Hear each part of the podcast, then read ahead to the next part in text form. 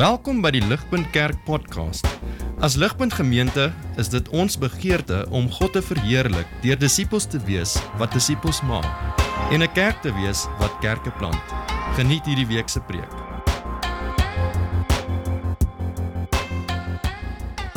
Goeiemôre. Ons lees uh, Openbaring 13. Ek lees uit die ESV. And I saw a beast rising out of the sea with 10 horns and 7 heads with 10 diadems on the horns and blasphemous names on its heads. And the beast that I saw was like a leopard. Its feet were like a bear's and its mouth was like a lion's mouth. And to it the dragon gave his power and his throne and great authority. One of its heads seemed to have a mortal wound, but its mortal wound was healed, and the whole earth marveled as they followed the beast. And they worshipped the dragon, for he had given his authority to the beast. And they worshipped the beast, saying, Who is like the beast, and who can fight against it? And the beast was given a mouth, uttering haughty and blasphemous words, and it was allowed to exercise authority for 42 months.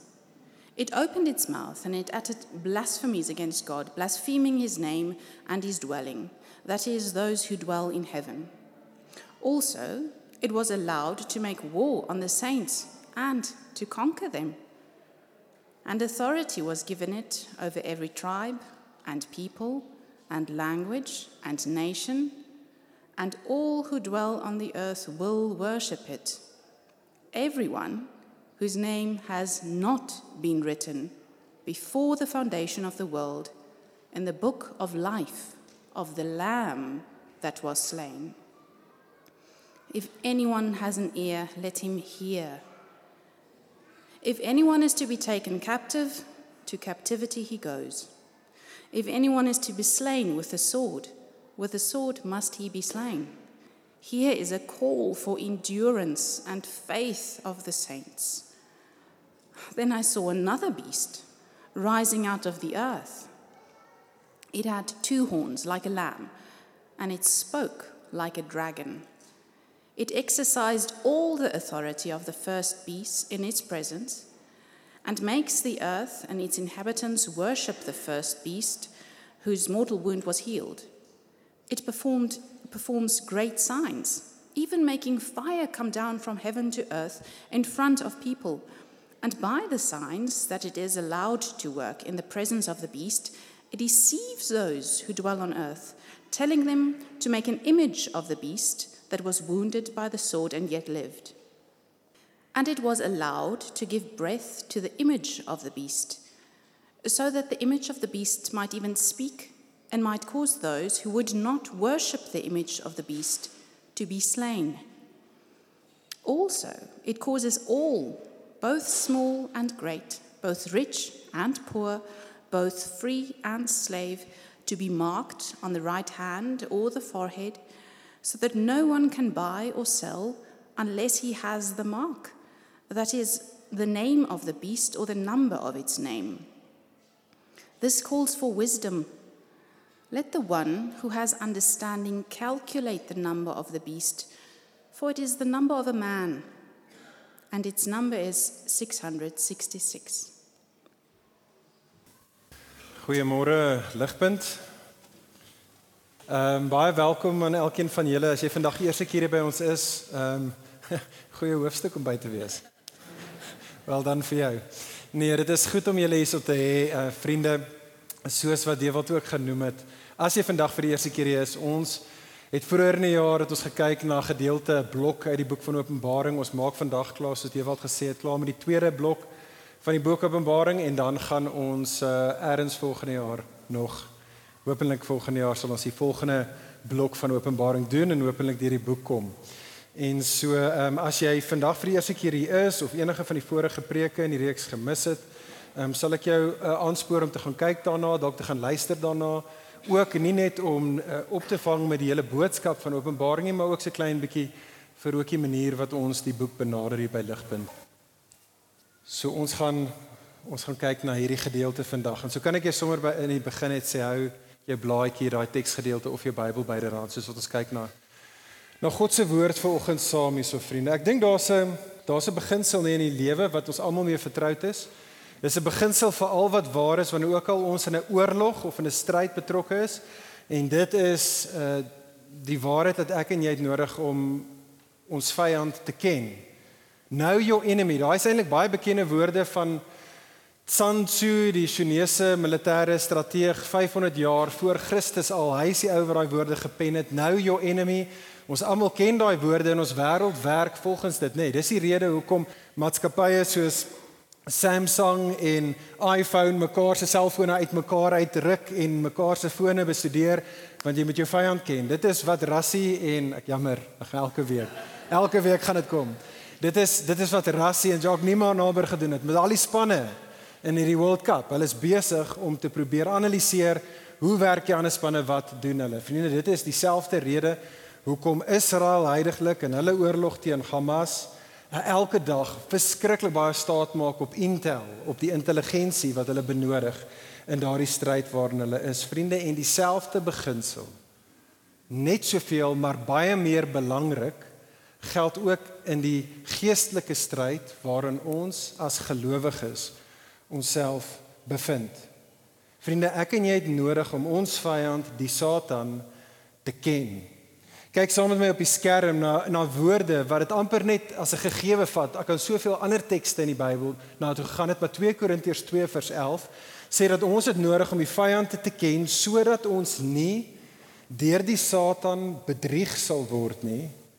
En sodat ek en nie ek en jy nie met die Satan se planne onbekend sal wees nie. Maar ek dink hier lê die uitdaging vir ons. En ons het so 'n bietjie daaraan geraak laas week, maar op die beste van tye, veral vir ons as hedendaagse westerlinge, dis al klaar vir ons as Christene in die weste in 2023 is dit vir jou en vir my baie moeilik om regtig te glo dat daar is iemand soos die Satan, 'n werklike persoonlike vyand teen jou en my. Ons sukkel al klaar daarmee, maar ek dink dan verder Selfs vir ons wat dit glo, is die gevaar dan dat wanneer ons dink aan hom, dan word die die vyand en die vyand se strategie raak vir ons wat baie kere na verwys word en is 'n goeie woord, maar quote on quote spiritual warfare. En die som totaal baie kere, die manier wat ek en jy moet uitkyk vir hierdie duiwel wat in hierdie wêreld spiritual warfare teen ons doen is baie kere strek nie baie ver verby hoor jy moenie toe ek jonk was moenie 'n uh, liewe heksie kyk nie Moenie Harry Potter lees nie. Oppas vir daai masker wat in jou huis is want jy weet nie net op 'n of ander manier gaan die duiwel jou vang nie. En dit so baie kere raak amper die som totaal van ons spiritual warfare, ons manier van om uit te kyk vir in hierdie geestelike stryd. En ek dink die duiwel lag lekker as hy ons net op daardie maniere kan besig hou. Dis nie fout vriende, ons het begin vanoggend met ons call to worship en daai bekende woorde wat ons almal ken, Efesiërs hoofstuk 6, wat jou en my herinner dat die ons stryd is nie teen vlees en bloed nie, maar dit is 'n geestelike stryd. Maar dan die fout wat ek dink ons baie kere maak, is om te dink omdat dit 'n geestelike stryd teen die teen 'n geestelike vyand, die duiwel is, dat daai geestelike stryd nie in vlees en bloed kategorieë in hierdie wêreld met jou en my teen ons die oorlog voer nie. Ek dink dis 'n fout wat ons baie kere maak. En so wat ek wil hê ons vanoggend oor saam met gesels is vriende, hoe lyk dit? Hoe lyk die Satan se oorlogsvoering teen ons as gelowiges hier in 2023 hier in die regte wêreld? Hoe lyk die Satan se oorlogsvoering teen jou en my? Dit is waaroor Openbaring 13 handel. Oor vandag en in die verlede en in die toekoms. Maar hierdie is hoe hy oorlog maak teen ons. Laasweek as jy hier was, sal jy onthou het ons gekyk na Openbaring 12 en uh, in Openbaring 12 was eintlik die begin van 'n visioen wat al die pad gaan strek tot by Openbaring 14. Ons is nou in die middel van daai groter visioen in die boek. En as jy hier laas week was, sal jy onthou het ons gesê dat Openbaring 12 'n baie belangrike hoofstuk in die boek se reg in die middel van die boek en ons vind die sentrale boodskap van die hele boek in Openbaring 12. Dit vertel vir ons dat alles wat in hierdie wêreld aangaan met ek en jy verstaan is uiteindelik 'n geestelike stryd teen die Satan. En reg in die middel van die middelste hoofstuk van Openbaring, letterlik in die middel, kry ons regtig die groot kom ek sê die goue versie van die hele boek wat vir ons sê in hierdie geestelike stryd teen die vyand die Satan is die manier wat ons as gelowiges oorlog teen hom maak. Dit was laasweek gewees vers 11 van Openbaring 12. Ons maak oorlog teen die Satan by wyse van die bloed van die lam en die woord van die getuienis oor die lam. Met ander woorde die evangelie. Dis die manier uiteindelik wat ons die fight wen teen die Satan met die evangelie. Nou laasweek, kyk saam met my op die skerm, het geëindig met hierdie prentjie. Hierdie was die beeld waarmee Openbaring 12 geëindig het en ek wil hê ons moet hierdie prentjie voor oë hou vanoggend. Openbaring 12 vers 17 Then the dragon became furious with the woman and went off to make war on the rest of her offspring on those who keep the commandments of God and hold to the testimony of Jesus. And he the dragon stood on the sand of the sea.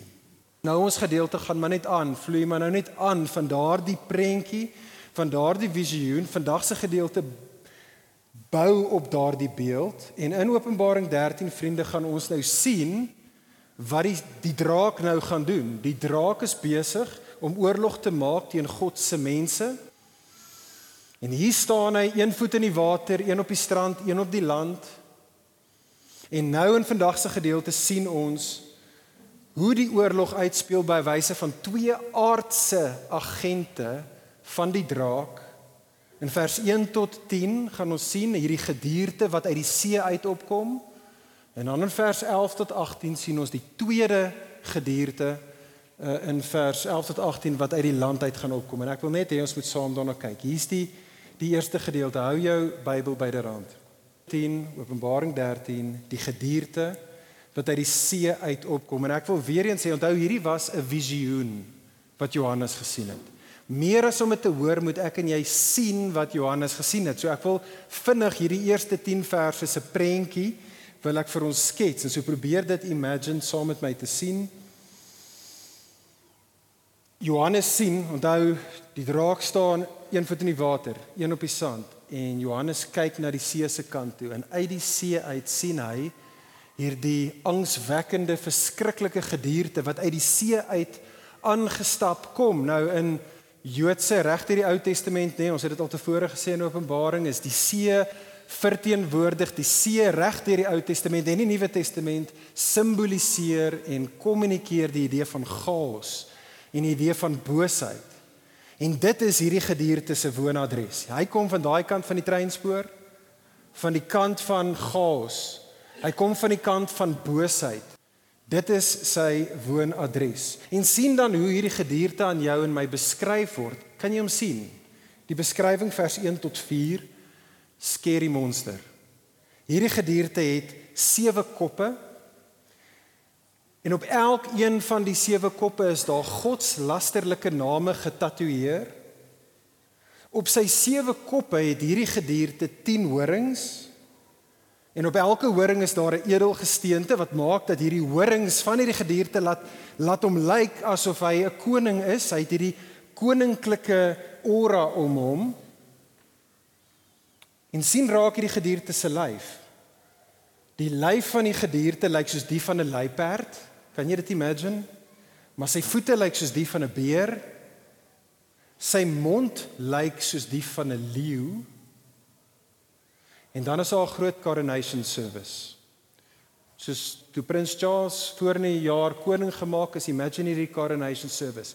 Hier is die draak wat nou hande op lê op die gedierte. Die ganse mensdom is daar en hy word nou hier aangestel as koning, die draak gee vir die gedierte alle krag en mag en gesag. En soos wat die draak vir hierdie gedierte hier by die coronation service al hierdie autoriteit wat heeltyd deur die teksgedeelte kom, hierdie autoriteit gee, wat gebeur? Ons word vertel dat hierdie draak het soos 'n 'n dodelike wond, 'n fatal wound en dan daar voor die oë van die skare word die dodelike wond genees. En almal sê, "Wow." amazing. Die ganse mensdom klop hande, hulle juig en hulle aanbid die draak, die gedierte wat deur die draak aangestel word. En sien dan saam met my vriende daar die koninklike bewind van hierdie gedierte in vers 5 tot 8. Met sy krag en met sy mag en met sy gesag is word hy dan aangestel om te regeer vir 42 maande. Ons het al baie keer in die boek van Openbaring gesien, is dieselfde tydperk as 3 en 'n half jaar wat ons al tevore gesien het uit Daniël uit verwys na die ganse tydperk waarin ons onsself nou bevind in hierdie wêreld en in hierdie tydperk waarin ons onsself bevind, hier regeer die draak in hierdie wêreld nou vir 42 maande. En sien jy sy heerskappy? Die teks sê dat hy is baie arrogant. Sy houding is vol bravade. Wanneer ook al hy sy presidential speech maak, is dit net godlasterlik die heeltyd. Inderdaad, hierdie koning het 'n vyand en hy maak oorlog teen sy vyand. Maar hierdie koning, die gedierde se vyand is God se mense, die heiliges en hy oorwin hulle ten minste for all intents and purposes in hierdie wêreld lyk dit asof hy hulle besig is om hulle te oorwin. Hy verdruk en vermoor die heiliges terwyl die res van die mensdom hierdie gedierte aanbid. Inderdaad sê vers 8. Almal aanbid hom wie se naam nie in die boek van die lewe van die lam wat geslag is geskrywe is nie. Nou wat beteken hierdie prentjie? Wat kommunikeer hierdie prentjie? Vriende, soos res hierdie boek van Openbaring, gaan ek en jy net verstaan wat hier aangaan as ons dit lees in die lig van die Ou Testament. Daar is 3 tekste uit die Ou Testament waaruit hierdie gedeelte primêr op gebaseer is. Dink aan 'n konsertina. Ons het gisterand 'n movie gekyk en daar was 'n trekklavier. Dink aan 'n trekklavier of 'n konsertina. Openbaring 13 is soos daai trekklavier konsertina wat wat bymekaar is. Maar as ek jy hom uitmekaar uittrek, dan sien ons dat Openbaring 13 is gebou aan die hand van veral drie baie belangrike Ou Testament tekste. Ek wil eers 'n bietjie tyd hier spandeer want want dit is krities belangrik dat ons dit verstaan en dit nie verkeerd kry nie. Die eerste Ou Testament teks hier is Daniël hoofstuk 7 wat ons al baie kere in die boek Openbaring gevind het. In Daniël hoofstuk 7 vriende het Daniël net soos Johannes ook 'n visioen En in Daniël hoofstuk 7 is die visioen oor vier gediertes. En die een gedierte lyk soos 'n luiperd, die een gedierte lyk soos 'n beer, die ander gedierte lyk soos 'n leeu en die ander gedierte het 10 horings. Die vier gediertes het tesame 7 koppe, soos in ons gedeelte. Die gedierte met die 10 horings praat sê sê Daniël hoofstuk 7 groot dinge, arrogante dinge En hulle is daarop uit om met hulle krag en hulle mag en hulle gesag spesifiek die laaste gedierde om oorlog te maak teen die heiliges. Maar ek en jy hoef nie te wonder wat waarvoor staan die gediertes in Daniël 7 nie want die teks sê dit vir ons. Daniël, die hele boek van Daniël, die tweede helfte van die boek maak dit duidelik dat hierdie gediertes in Daniël ten minste simboliseer aardse konings die wat op hierdie aarde mag en krag en gesag geniet. Nou in die boek van Openbaring raak dit redelik duidelik en die teks maak dit duidelik dat daai vier gedeeltes in Daniël se historiese konteks spesifiek het verwys na die Babiloniese ryk, die Mediese ryk, die Persiese ryk en die Griekse ryk. Maar hier in Openbaring 13, wat het ons? Daai vier gedeeltes is saamgesmeld, saamgemorf en nog 'n groter een groot gedierte. En die punt is duidelik.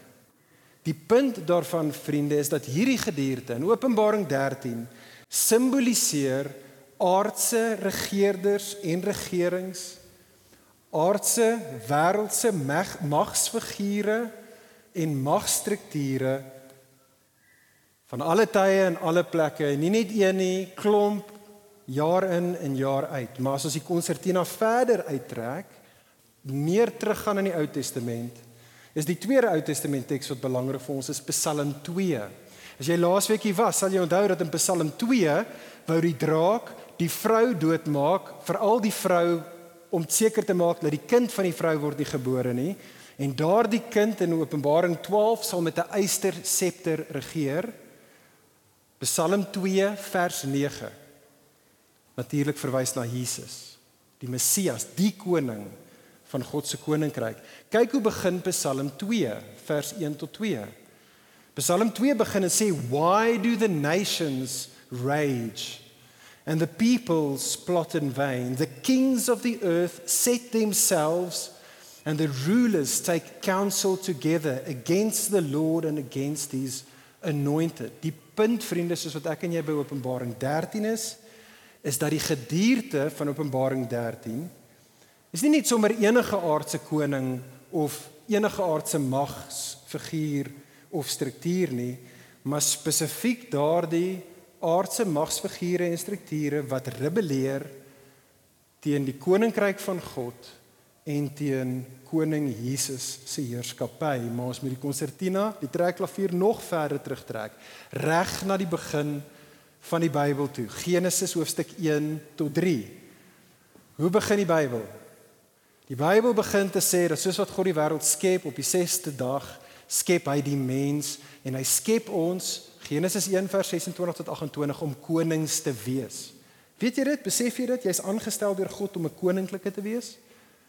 Die opdrag aan ons is have dominion, gaan hê heerskappy, gaan regeer namens die ultimate koning, gaan regeer as sy onderkoning oor hierdie wêreld. Maar Genesis 3, die Satan kom na Adam en Eva toe.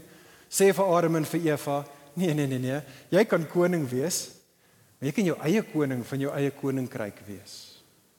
By the way, dis die hele punt van die gedierte en ons gaan dit later ook nog sien in die gedeelte. Die hele rede hoekom die beeld van hierdie tipe van regerders gediertes is, is vriende want jy is sip mens. As jy probeer regeer apart van onder die heerskappy van die ultimate koning, dan is jy minder as mens. Die beeld van God in jou Genesis 1 vers 26 tot 28 is gebroken. Jy begin meer soos 'n dier te lyk en op te tree. Maar die punt daar vriende is dat uiteindelik Genesis 3 vers 15 sê God vir die draakslang van Genesis 3:15 daar sal een gebore word uit die vrou en hy gaan jou vernietig. En dit is die storie van die Bybel, dis die storie van Openbaring 13 Dit is wat in hierdie wêreld aangaan vriende, dit is soos wat die Satan uiteindelik by wyse van goddelose aardse konings, regerders en regerings probeer seker maak dat die werklike koning en sy koninkryk nie geskied nie. Dis wat aangaan. Nou vriende, Openbaring 13 se interpretasie van wêreldgeskiedenis is 'n klein bietjie anders, is baie anders as wat jou en my kinders in hulle geskiedenishandboeke op skool leer. Dis 'n ander manier, die eintlike manier wat ek en jy moet sin maak van world history. Wêreldgeskiedenis is inderdaad 'n Game of Thrones wat afspeel. Waar Satan by wyse van die gedierde aardse regerders en regerders wat goddeloos is, probeer om die werklike koning en sy koninkryk te verwerp en te vernietig. Dit is wêreldgeskiedenis eintlik. Dis wat aangaan volgens die Bybel. En vriende, hierdie gedierte wat ons in Openbaring 13 vers 1 tot 10 van lees, is natuurlik opmerklik deur wêreldgeskiedenis. Dis opmerklik in antieke geskiedenis as jy nou dink aan die Bybel. Ons sien byvoorbeeld hierdie eerste gedierte uitspeel by die toring van Babel. Daar sien jy die gedierte. Ons sien hom in Farao in Egipte, daar sien ons die gedierte Nebukadneser in Babilonië wat omdat hy dis nog interessant ek het dit vanoggend raak gelees weer. Nebukadneser word soos 'n dier presies vir hierdie rede. Ons sien die gedierte uitspeel met Herodes wat vir Jesus en al die kinders probeer doodmaak om te seker te maak Jesus word nie gebore uit die vrou uit nie. En in die tyd van die boek van Openbaring is hierdie gedierte Rome Dit was in hulle tyd. Daardie aardse regerders regeer het Christene vervolg en vermoor het. Maar vriende, hierdie gedierte is ook opmerklik in onlangse wêreld geskiedenis, is dit nie? Ons sien die gedierte redelik maklik baie van ons ten minste in Hitler in Duitsland. Daar's 'n voorbeeld, maar net een van baie plekke waar hierdie gedierte sy kop uitgesteek het. Ons het hom gesien met Stalin in Rusland, met Mao in China, met Kim Jong Un heiliglik in Noord-Korea. Maar Vriende, dis nie so eenvoudig nie. Die gedierte is nie net daar ver weg nie. Dis meer subtiel. Partykeer kom die gedierte, die wolf kom partykeer in skaapklere. Hierdie is die punt wat ek en jy moet verstaan. Wanneer ook al vriende, wanneer ook al die konings van hierdie wêreld die heerskappy van koning Jesus verwerp, elke keer wanneer enige magsfiguur of magstruktuur van hierdie wêreld die heerskappy van koning Jesus verwerp en sy koninkryk skade berokken, is die gedierte aan die werk. Dit gebeur gewoonlik in 'n wêreld soos ons vandag gewoonlik ten minste in 'n westerse wêreld by wyse van wette en beleide wat God se wil en God se woord teegaan wat afbreek doen aan die beeld van God in die mens enige wetgewing wat besig is om Babel te bou wat Sodom en Gomorra vestig. Elke keer wat daar godslasterling is by wyse van die agendas en die reëls in hierdie wêreld elke keer wanneer heiliges benadeel word vriende daar is die draak besig om by wyse van die gedierte oorlog te maak. En ek en jy onthou natuurlik die storie van Rooikappie ons wens net as jy klein is en jy wens dat jy kan jy kan skree vir Rooikappie en kan sê luister jy dis nie jou ouma in die bed nie dis nie jou ouma nie dis die wolf dis die gedierte vriendin sien jy dit sien jy die wolf in ons bed lê? sien jy onder al die pomp en die seremonie en al die politieke spin van ons wêreld die tande en die naels van die gedierte? Kan jy dit sien? Vriende, ons sien dit. Ons sien die eerste gedierte in die liberalisme van byvoorbeeld, net voorbeelde van byvoorbeeld Kanada en Australië. Ek jammer om dit te sê ook Nieu-Seeland actually. Vriende, ons sien die gedierte in die kommunisme van China en Rusland en van politieke partye soos die EFF en groot gedeeltes van die ANC. Ons moet dit erken. Ons sien die gedierte in die gierige kapitalisme van die FSA en van Engeland en van die UAE Ons sien die gedierte in die terrorisme van groepe soos ISIS en Hamas. En vriende, ons sien die gedierte in die rasisme van, ons moet dit vir mekaar sê, van die ou Suid-Afrikaanse bedeling en van die hedendaagse staat van Israel. Selfde gedierte. Selfde ding. Is besig om God se wil, God se woord, God se opdragte nie uit te voer nie. Die vraag is wat staan ons te doen? Wat ons te doen staan is eerstens ons moet nugter en opgewasse wees. Ek weet nie of jy dit opgetel het nie. Ek het wens ons het meer tyd gehad. Ons gaan nog baie sien in Openbaring.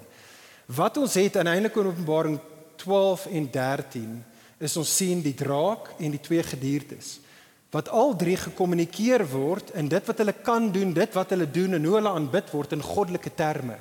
Ons vind hier eintlik 'n onheilige drie-eenheid wat as dit ware optree as 'n skyngod wat in hierdie wêreld God speel wat in hierdie wêreld gehanteer word as God wat God naboots en in die gedeelte sien ons wat doen die mense hulle kyk na die God van hierdie wêreld en sê wow amazing ons moet vir hierdie ouens bang wees ons moet buig voor hierdie ouens ons moet ons lewens gee vir hierdie ouens vriend vriendin Ons het nodig om nugter en opgewasse te wees. Tweede ding wel is, ons het nodig, sien jy daar in vers 10, ons het nodig om geduldig te wees en vol geloof op te tree. Die aanhaling daar in vers 10 verwys na hoe God se mense in ballingskap is.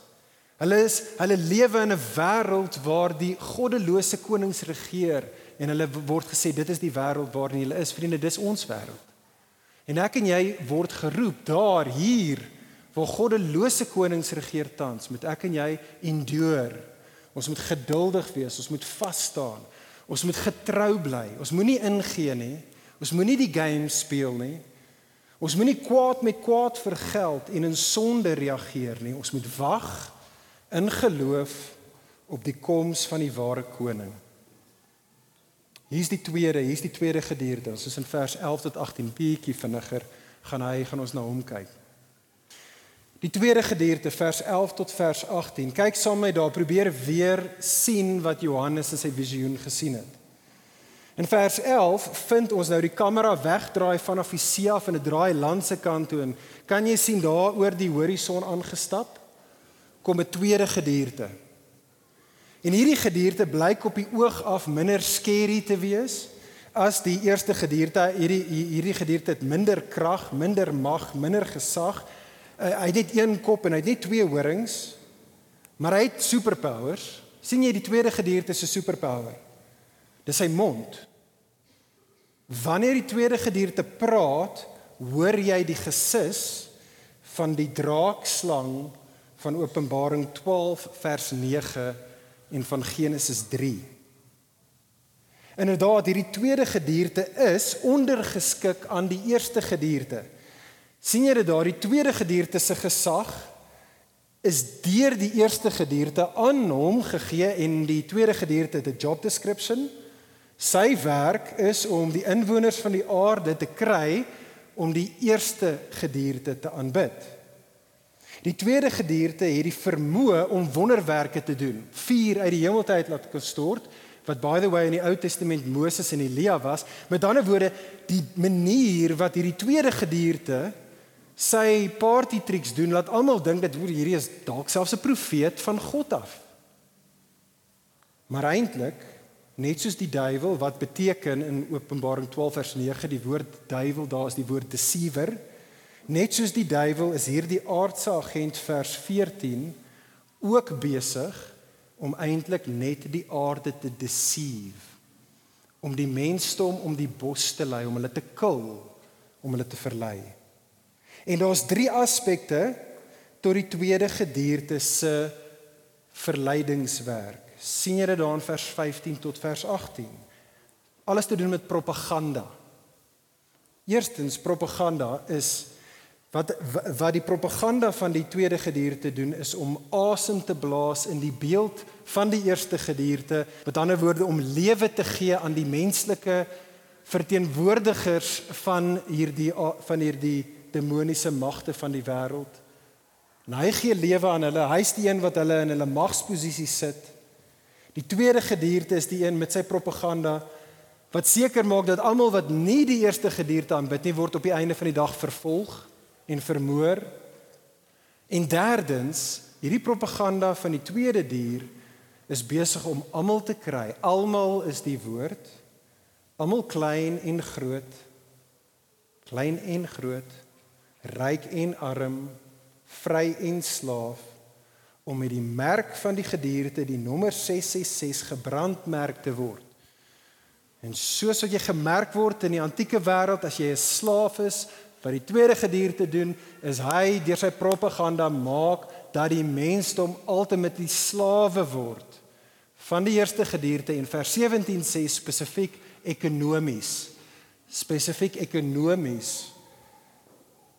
in die houvas van die eerste gedierte bly. Nou waarna verwys die tweede gedierte? Ek en jy hoef dit weer eens nie uit te dink nie. Openbaring sê hierdie vir ons, 3 kere gaan ons ten minste spesifiek hierdie tweede hierdie tweede gedeelte weer ontmoet in die boek van Openbaring, maar onder 'n ander naam. Kyk saam met my op die skerm na Openbaring 19 vers 20 wat ek dink die duidelikste plek is vir jou en vir my om te weet wie die tweede gedeelte is. Openbaring uh, 19 vers 20 sê and the beast was captured. So hierdie kyk nou verder vorentoe in wêreldgeskiedenis and the beast was captured and with it the false prophet who in its presence had done the signs by which he deceived presies dieselfde woord as in ons gedeelte the signs by which he deceived those who had received the mark of the beast and those who worship the image. Die punt is vriende die tweede gedeelte in Openbaring 13 simboliseer die valse profeet. Die valse profete in elke tyd en in elke plek wat met hulle gevleelde woorde en hulle indrukwekkende vertonings die mensdom kry om die goddelose magsfigure en strukture te bly gehoorsaam. Wie ook al besig is om dit te doen om ons te kry om die wêreldse magsfigure en strukture te gehoorsaam in steede van koning Jesus. Ou Testament was dit vir koning Balaam was dit die valse profeet Balak, Numeri 22 en dan word dit presies as 'n voorbeeld vir ons gegee in Openbaring 2 vers 14. Vir koning Agab was dit sy vrou Jezebel wat ons in Openbaring 2 ook van lees, was dit sy vrou Jezebel, Isebel se Baal profete gewees, 1 Konings 18, wat God se mense wil oortuig van 'n beter God om voor te lewe. In Jeremia 14 was dit die valse profete wat vir 'n sondige Israel welvaart, prosperity beloof het. In Jeremia 23 was dit die valse profete, hulle word valse profete genoem, wat vir 'n goddelose Israel sterk in hulle kwaad en sê luister hierdie die dinge wat julle doen is actually fine, dis nie so bad nie. In Jesaja 30 was dit die valse profete wat vir Israel gesê het om polities gesproke hulle sekuriteit in Egipte te gaan plaas. Egipte kan julle red. Moenie moenie luister vir God nie, luister vir Egipte, die wêreldmoondheid van die dag. En vriende Jesus gee presies in die presies dieselfde taal as Openbaring 13 gee Jesus dieselfde waarskuwing. Kyk saam met my op die skerm na Matteus 24. Wanneer Jesus praat van die tyd van verdrukking wat die hele tyd is vanaf Jesus se eerste koms tot tweede koms, is die tyd van verdrukking. Is hierdie wat Jesus sê. En hy praat met die mense toe wat daar was in sy midde en met ons almal vandag. Jesus sê and many false not one many false prophets will arise and they will lead many astray. Presies dieselfde woordjie in die Grieks, die deceive in ons gedeelte. Vers 24 for false Christs, die eerste gedierte and false prophets, die tweede gedierte will arise and will perform great signs and wonders so as to lead astray if possible even the elect. Presies soos in Openbaring 13. Vraag is wat staan ons te doen? Die teks sê dit vir ons. Het jy dit daar gesien vriende? Kyk sommer na vers 18. This calls for wisdom. Ek en jy het nodig om nugter te wees. Ek en jy het nodig om opgewasse te wees as die valse profeet deceptive is, as hy 'n wolf in skaapklere is. Dan het ons nodig om wakker en in opgewasse te wees vir die tweede gedierte. En vriende, ek dink die twee die tweede gedierte manifesteer in ons wêreld met twee gesigte. OK? Ons sien die tweede gedierte net soos in die Bybel, net soos in die res van wêreldgeskiedenis ook vandag.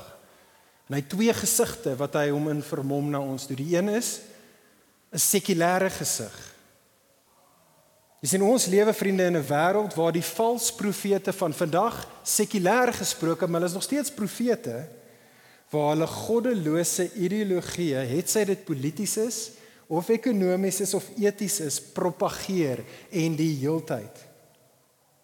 En hoe dit werk is gewoonlik en ek pik nie op ouens wat universiteite werk nie, maar dit dit het histories in die weste ten minste vir die laaste 200 jaar word daai ideologie gevorm in ons deur die intelligensia van ons wêreld in ons universiteite en dan filter dit deur in die teksboeke vir die studente, dit filter deur na die teksboeke vir die skole en dit filter deur éventueel vir net ons kinders toe nie, maar dit filter deur na jou en my by ons huis.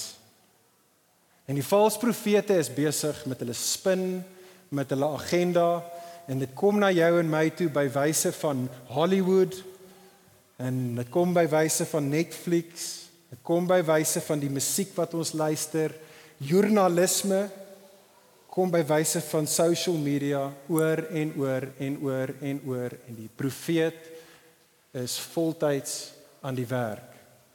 Net 'n voorbeeld daarvan sal wees, ek gaan 'n voorbeeld vir ons gee. Kom ons dink net op byvoorbeeld op die oomblik gender wars en soos wat gender wars in ons wêreld afspeel.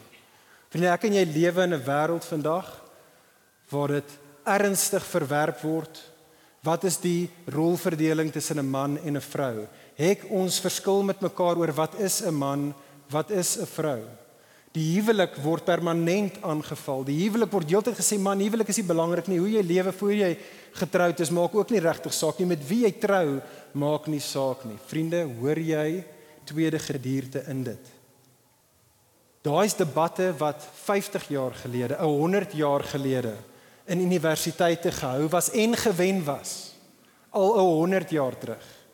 Dit het nou maar net nou eers by wyse van skole en by wyse van ons TV's en radio's en ons fone by jou en my in 2023 opgekom. En so is die mensdom slawe van wêreldse magsfigure en strukture, die eerste gedierte wat uiteindelik die draak se wil laat geskied. Is ons opgewasse? Is ons opgewasse teen die Satan se slinkse strategieë in die geestelike stryd vriend vriendin waarin ons onsself daagliks bevind? Maar die valse profeet kom ook na ons toe met 'n godsdienstige gesig. Karl Marx, baie van julle sal dit weet, natuurlik die vader van kommunisme, het gesê religion is the opium of the people en in een sin was hy 100% reg. Verkeerde godsdiens in die verkeerde hande met die verkeerde motiewe is 'n kragtige manipuleerder wat die eerste gedierte gebruik om mense te kry om hom te gehoorsaam in hierdie wêreld. En ek wens ek moes vanoggend so baie uitsny. Daar's baie meer wat gesê moet word en as jy wil koffie drink hoor kan ons gaan gesels daaroor. So ek kan nie deur dit alles gesels nie, maar ek wil net 'n paar vir ons uitwys. Vriende, histories, is dit nie wat die staatskerk gedoen het met Duitsland nie? Staatskerk het in, terwyl die Tweede Wêreldoorlog gegaan het, het gesê luister hierdie Hitler en die Third Reich is awesome. Dit is van God af. Jy weet jy moet uh, Romeine 13 gehoorsaam sê die staatskerk is maar net die valse profeet wat besig is om die gedierte te dien. En vriende natuurlik in ons eie land in Suid-Afrika onder die ou bedeling ten beste hierdie kerk stil gebly ten beste ten slegste baie kere en ons moet ons skaam daaroor en ons moet dit sê vir mekaar hierdie kerk apartheid probeer Bybels regverdig Maar dis maar net twee voorbeelde. Dit gebeur nou in ons land. Dieselfde ding gebeur nou in ons land. As jy kyk na elke keer as een of ander politieke party se se leier gaan na 'n kerkdiens toe en dieselfde ding speel af. Maar vriende, ons lewe wel dink ek in die weste in 'n wêreld waar ons minder sien die godsdienstige gesig van die valse profeet waar hy baie naby in die staat is. Ek dink ons as 'n moderne mense is redelik skepties vir dit. Maar 'n ander manier godsdienstig gesproke wat hierdie plaasvind natuurlik, is dat daar is ander konings ook in hierdie wêreld, nê, nee, wat aanbid moet word en dit is ek en jy. Ek en jy. En so baie kere en dis wat die hele Nuwe Testament vol is, vind ons die valse profeet wat vir jou en vir my kry om die eerste gedierde te wees. Wat vir jou en my kry om koning van ons koninkryk te wees.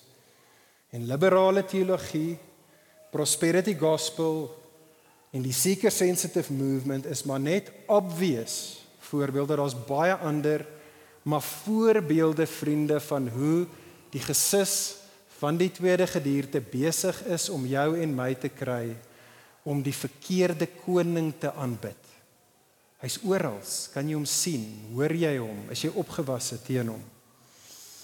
En ek wil afsluit. Ek wil begin afsluit. Vriende, hoekom wil afsluit met vers 18. Hoekom moet ek en jy wys wees? Hoekom moet ons nugter en opgewasse wees teen hierdie aanslag van die Satan in ons geestelike stryd? Ek wil jy met my asseblief baie mooi hoor.